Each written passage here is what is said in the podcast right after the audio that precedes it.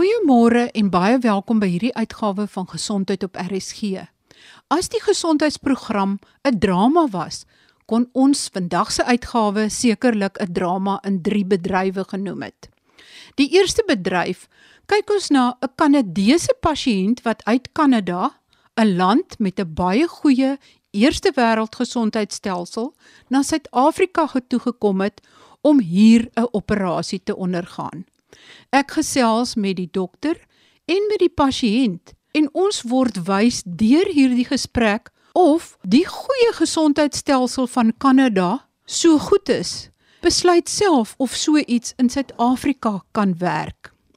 In bedryf 2 kyk ek na die stand van mannekrag in Suid-Afrikaanse gesondheidsdienste. Het ons genoeg dokters? Want ons het beslis nie genoeg verpleegkundiges nie en ek brei ook verder daaroor uit. Die derde bedryf is die laaste stukkie van 'n onderhoud wat ek gedoen het met Dr. Dottie van Ulmenstein. Sy's 'n baie bekende Kaapstadse histopatoloog wat onlangs afgetree het en sy gesels oor aftrede en uittrede en wat sy doen en of daar 'n lewe is wat interessant is en vervullend is vir 'n dokter nadat hy of sy die beroep verlaat het om af of uit te tree. Moet mens bang wees vir aftrede of is dit iets wat dalk 'n nuwe avontuur is? Kom luister saam. Ek is in die spreekkamer van Dr. Callie Ackerman, ortopediese chirurg hier by Blouberg Netcare Hospitaal en Ek het op 'n interessante storie afgekom oor 'n Kanadese pasiënt. Ons hoor soveel slegte nuusstories van gesondheidsdienste in Suid-Afrika en ja, baie dinge gaan agteruit. Maar ons kan ook trots wees op die standaard van so baie dinge wat gebeur veral in die privaat sektor, moet ek byvoeg. Dokter Ackerman, hier het onlangs 'n pasiënt na jou toe gekom van Kanada af. Hoe dit gebeur?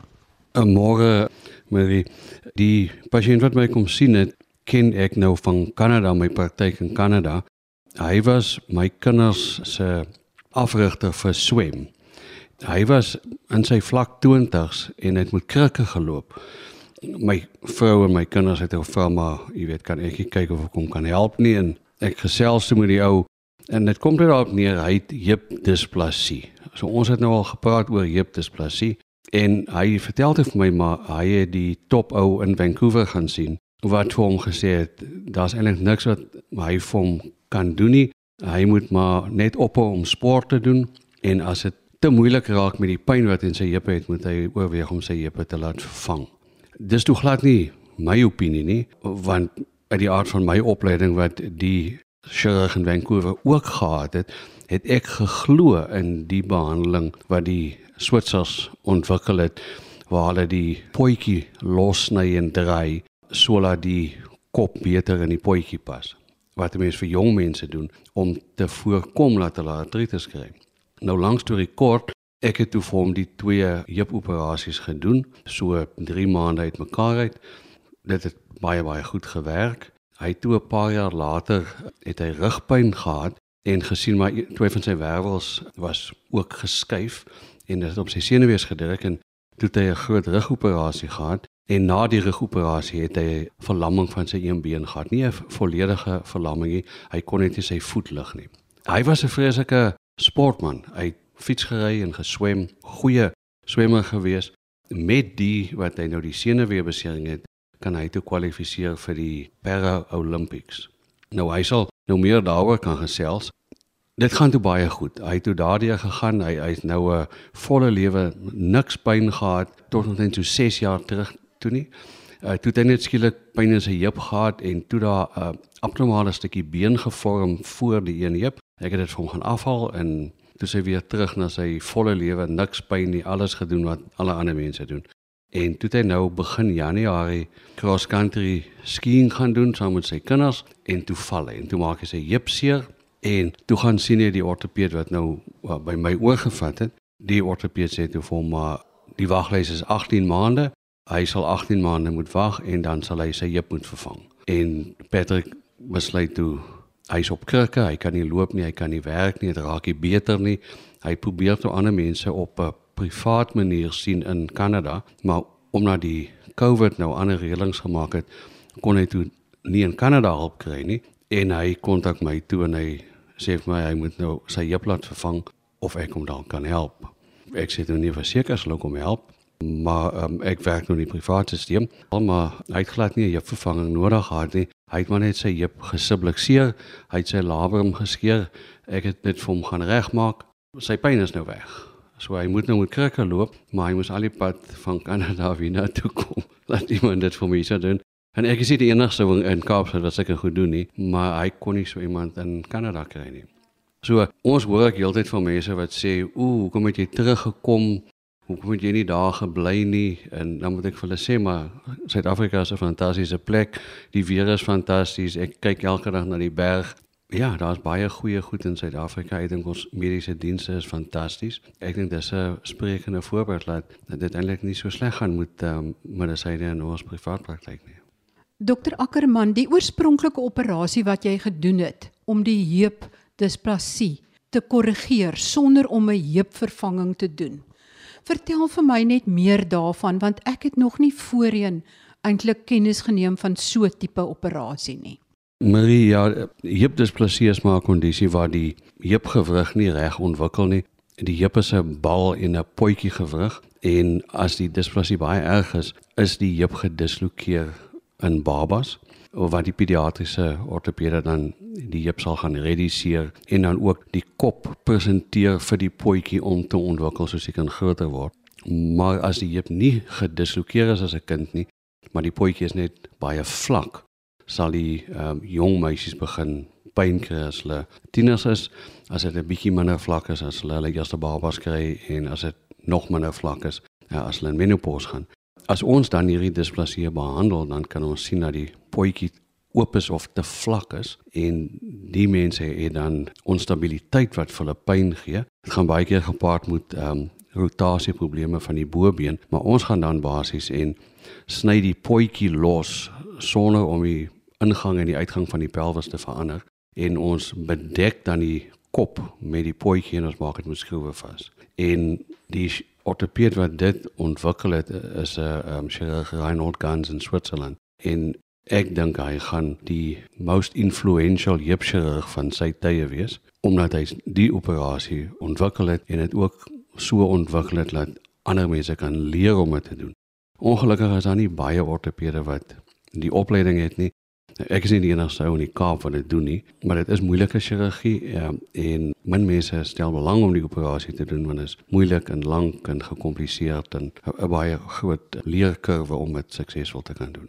Maar dit is baie effektief en dit sal so die pasiënt wat jy nou sal ontmoet, hy kon nie funksioneer nie en hy kan vir die laaste 10 jaar normaal funksioneer omdat hy nie pyn het nie, hy kry nie artritis nie. Dit voorkom dat die heup uitwerk. So pasiënt wat aangesê is in Kanada dat hy 'n heupvervanging moet kry, maar dan 18 maande sou moes wag daarvoor, kom toe Suid-Afrika toe en hy kan toe gehelp word sonder 'n heupvervanging. Ja, ons kon hom toe hierso uh, oneindelik ondersoek. Hy het toe hierso 'n MRI-artogram gekry. Ek het saam met ons muskuloskeletale radioloog deur die goed gegaan en dit was moeilik om dit mooi te interpreteer want daar is nog skroewe in sy pelvis wat dan die labrum en die gewrig 'n bietjie wegsteek. Maar ons sien toe 'n area wat vir my klinies soos 'n labrum skeer lyk. Hy het sy ronde ligament afgeskeer, so die meganisme van sy besering het toe vir my laat dink dat hy waarskynlik sy heup posterior gedislokeer het met die val, die spesifieke meganisme. En laat dit nou sy labrum skeer is wat vir hom die pyn gee. Ek kon toe deur dieselfde toegang wat ek sy pelvis osteotomie gedoen het, kon ek toe aan die voorkant in sy heup inkom, die inflammasie en verkalkings in sy kapsel verwyder, sy heupkapsel oopmaak om na sy heup te kyk en ek kon toe die labrum skeer kry en daai area skoonmaak, die been vasmaak en beenankertjies gebruik om die labrum weer vas te werk en alles toe te maak en hy was onmiddellik na die operasie kon hy sit. Hy sê maar hy kon nie vir 20 minute sit nie want dit was te seer as hy heup opgebuig het ons kan sien die operasie was 'n sukses en hy behoort as hy nou by die huis kom weer aan die gang te kom en 'n normale lewe te hê.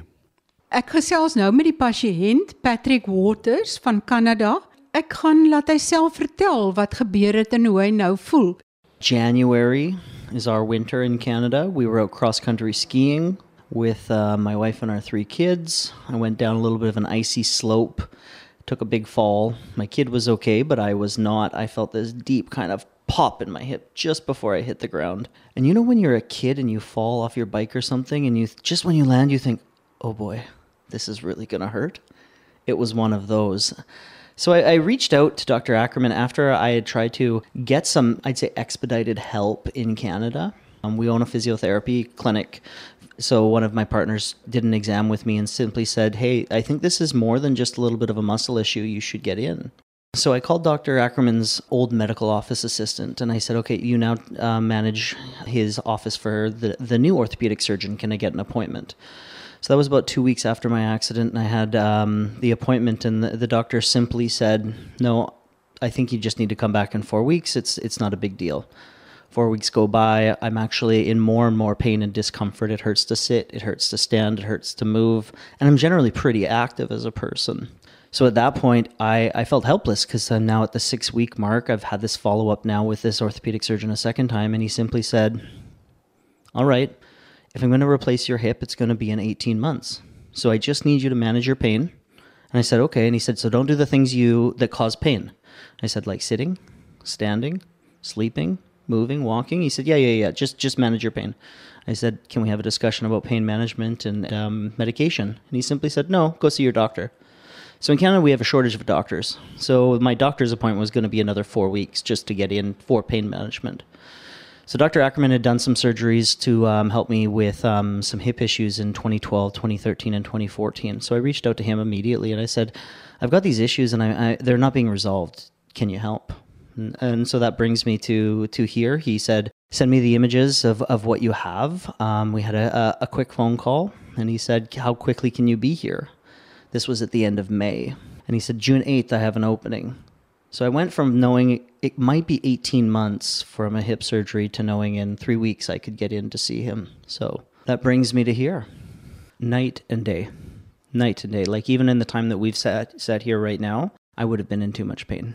I would have been stooped over with my leg draped over to the side, had this kind of deep burning pain in my hip, and um, I don't have any of that anymore so I can sit for, for as long as I want. I, I can stand. I'm still on crutches because I need to be on crutches, but there's no pain inside the hip anymore. So it's um it's incredibly freeing. So I got involved in um, the Paralympics and para sport after 2014. So I competed at the Para Pan Am Games in 2019. We were really hoping that I would be at the World Championships this summer in Portugal. Obviously, with this hip injury, I was unable to. But um, we have uh, Pan American Games the next round in Chile next summer. And uh, yeah, I hope to be there. Swimming, I compete in the 100 meter breaststroke. I'm planning for October, November to be um, back to normal training. There's this perception that, they, that because Canada has healthcare for everyone, it is better my experience has not been that. The the treatment I have at the hospital here is people know me by name, they're welcoming, they're warm. Their interactions, even between the doctors and the nurses, seem to be much more amicable, and there's an idea of cooperation. And I just haven't experienced that in Canada, so it's it's been quite good here. When I consider that I could be 18 months of living in the the pain that I was having, I couldn't walk my kid to the one kilometer, one and a half kilometers to school so the idea that I would I'd be living like that for 18 months, that wasn't a trade-off I was willing to make. I was beyond willing to pay out of pocket for this. Without a doubt, I would do it again. Thank you so much. Appreciate it. Daar het jy dit. Baie dankie aan Dr. Callie Ackerman, ortopediese chirurg by Blouberg Netcare en die pasiënt Patrick Waters, die Kanadees wat uit Kanada na Suid-Afrika toe gekom het omdat hy nie kans gesien het om op 'n 18 maande lange waglys te wag vir 'n heupvervanging nie. Op die ou ende was dit toe nie eens 'n heupvervanging wat nodig was nie, maar die herstel van 'n skeur in die heupgewrig. Hoe lank sal ons in Suid-Afrika op 'n heupvervanging wag as daar 'n nasionale gesondheidsversekeringsstelsel ingestel word? Kyk, ons het uitstekende dokters in Suid-Afrika. Ons het ook uitstekende gesondheidsdienste veral in die privaat sektor. Die akademiese hospitale probeer om mediese studente so goed as moontlik op te lei. Maar daar is 'n paar feite wat ons nie mag ignoreer nie. Die eerste is 'n derde van alle doktersposte in staatshospitale is vakant. Daar is nie genoeg dokters in die land nie. Daar word ook nie genoeg dokters opgelei in die land nie. Daar word ook nie genoeg spesialiste opgelei in die land nie. Ons stuur af wat dokters betref op 'n krisis. Wat verpleegkundiges se opleiding en stand van getalle betref, is dit nog hagliker. Tans is die rasio van verpleegkundiges tot die bevolking 'n derde van die wêreldgemiddelde in die wêreldgemiddelde is nie net op eerste wêreldlande gegrond nie. Dit sluit derde wêreldlande ook in. En met dien verstande het ons nogtans 10000 poste wat op hierdie oomblik vakant is.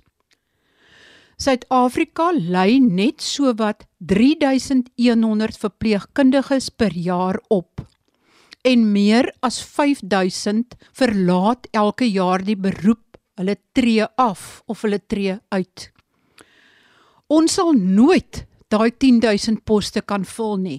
Om die waarheid te sê, die tekort raak al hoe groter. Teen 2030 en dit is oor 8 jaar, sal duisende hospitaalbeddens in die staatssektor en moontlik ook in die privaat sektor moet toemaak omdat daar nie genoeg verpleegkundiges is nie. En ek praat van geregistreerde verpleegkundiges wat die beddens kan beman nie. En wat reeds gebeur selfs in private hospitale is dat verpleegkundiges wat nie behoorlik opgelei is nie, wat nie 4 jaar opleiding het nie en nie 'n geregistreerde verpleegkundige is nie. Dis daardie met die maroon epilette dat daar nie genoeg van hulle is nie, dat daar baie keer van stafverpleegkundiges en verpleegassistente gebruik maak om eintlik hulle werk te doen. Mense wat eintlik nie opgewasse is vir die werk wat hulle moet doen nie. Dit is 'n ernstige kwessie waaraan die departement van gesondheid en die president dringend aandag aan moet gee. Maar kom ons kom by bedryf 3 uit. Ek sluit my gesprek wat ek so paar maande terug gehad het met Dr. Dottie van Ulmenstein, 'n baie bekende histopatoloog van Kaapstad, wat vertel wat haar aftrede en uittrede behels en wat sy wens dokter so bietjie meer van moet weet of moet verstaan van die beroep van 'n histopatoloog. Wat sal van jou raad wees vir GP's en pasiënte oor spesialiste? Ek dink dit is uh, belangrik om van die begin af die regte spesialis te konsulteer. En hier is GP's baie belangrik. Hulle weet gewoonlik ook watter veld 'n spesialis of 'n chirurg in spesialiseer. Byvoorbeeld pasiënte met 'n borsknop. Ek sal hoogs aanbeveel dat hulle na 'n chirurg gaan wat in borspatologie belangstel en spesialiseer, want hulle verstaan die proses van histopatologie, hulle verstaan die beperkings, hulle is op hoogte van die nuutste behandelingsmetodes en ek dink hulle gee die pasiënt 'n beter uitkoms as wanneer miskien 'n algemene chirurg borskanker hanteer. Ek is so bly jy noem dit want ek sê altyd doen navraag. Kies die beste dokter vir daai probleem wat jy het en nie noodwendig die een wat by die naaste hospitaal aan jou werk nie, want dalk is die beter een dalk en verder om te ry, maar jy gaan dalk 20 jaar langer lewe. Ek dink jy het dit nou ook weer baie mooi gestel. Prakties sal dit makliker wees dalk, maar vir jou eie gesondheid is dit belangrik om die regte persoon te kies. Ook wanneer jy gaan na 'n spesialis wat byvoorbeeld in borspatologie spesialiseer, eh, hy of sy sal klinies patologiese radiologiese korrelasies doen. Dis 'n multidissiplinêre vergadering waar radioloog, patoloog, chirurg, onkoloog almal saam kom en die pasiënt se toestand ekstrale mammogram wat dit ook alles behels na kyk en dan daar uh, saam besluit wat is die beste behandeling uh, vir hierdie pasiënt en vir hierdie toestand. Ek dink dit is 'n uitstekende benadering. Het jy 'n wens vir chirurge wat betref hulle nagraadse opleiding om dalk 'n beter insig te hê in histopatologie? Ek wens elke spesialis veral in die chirurgie onderafdelings kan 'n tydperk spandeer in 'n histopatologie laboratorium. Dan sal hulle sien hoe lank sekere dinge vat. Die proses is lank en gekompliseerd en sekere diagnoses is gebaseer op spesiale kleurings of spesiale ondersoeke en ek dink hulle sal 'n baie beter insig hê in die hele proses van patologie. As jy in een sin voordat ons kom by wat jy nou doen, want ek wil so 'n bietjie moed gee vir die mense wat aftrede vrees. As jy in een sin moet terugkyk na alles wat jy gedoen het, wat sal jy sê is die enkele ding wat vir jou uitstaan oor dit wat jy gewens het jy dalk van die begin af kon geweet het of wat jy dalk nou vir 'n jong jouself sou gesê het? Ek wens ek het vroeër gespesialiseer. Ek het lank gewag voordat ek gespesialiseer het. Ek het 3 kinders gehad en dit was moeilik om te spesialiseer met 'n familie. Ek wens ek het soos baie ander spesialiste dit vroeg gedoen, kort na my MBCAB in internis en wel ek het nie community service jaar gehad nie, dankie tog. Ek het patologie so geniet. Dit was vir my 'n wonderlike veld van spesialiteit. Ja, en die ander ding is mense is onder druk wanneer jy in privaat praktyk is. Daar's baie politiek en dit is ongelukkig die deel wat die moeilikste is. Die werk is lekker, die mense met wie jy werk is wonderlik, maar die politiek kan soms jou onderkry. En nou, Dr. von Omenstein, nou dat jy nie meer in die praktyk staan nie, wat het jy toe gedoen net nadat jy afgetree het? Ek was baie bekommerd oor aftrede. Ek het gedink ek gaan nie weet wat om te doen nie, ek gaan nie genoeg hê om te doen nie en toe besluit ek om 'n nagraadse diploma in applied ethics te doen by uh, Universiteit van Stellenbosch. Dit was deels klasse by die universiteit wat vir my nogal lekker was en deels was dit uh, online learning. Dit was eerstens um, baie interessant om weer met jong studente of jong mense te werk, baie jonger as ek. En ek het baie geleer daaruit en dit was 'n goeie oorbruggingsjaar vir my van voltydse werk en heeltemal aftrede. En ek moet sê ek is um, bly ek het dit gedoen. Dit was ook in die jaar van ons eerste jaar van COVID lockdown En dit het beteken ek het baie gehad om te doen. Ek het doel gehad. Ek het nooit gevoel ek is vasgevang tuis en ek kan niks doen nie wat dit was ideaal. En na die kursus, wat doen jy nou? Wat is jou groot belangstelling en hoe hou jy jou besig? Ek het um art journaling ontdek en um, ook ek maak greeting cards. Um maar hoofsaaklik art journaling. Dis 'n heerlike hobby Jy het net 'n boek soos mense in 'n joernaal sal skryf. In plaas van om te skryf, gebruik jy media soos ink en verf en pen en stencils en stamps, allerhande goed om 'n interessante kunswerk te maak. Ek word geïnspireer deur mense online wat YouTube klas aanbied dit hou my ure lank besig en ek geniet dit verskriklik. Ek was altyd kreatief toe ek jonger was en ek het jare lank nie tyd gehad om dit te beoefen nie en en dan leer ek brug. Ek neem nog altyd klasse, maar ek speel ook nou. Ek het tyd vir meer oefening soos hikes en fietsry en gymklasse en ek het ook geleer om suurdeegbrood te bak. Ek het vanoggend twee baie mooi brode gebak. So ek het baie wat ek kan doen en natuurlik tyd vir die familie en die kleinkinders.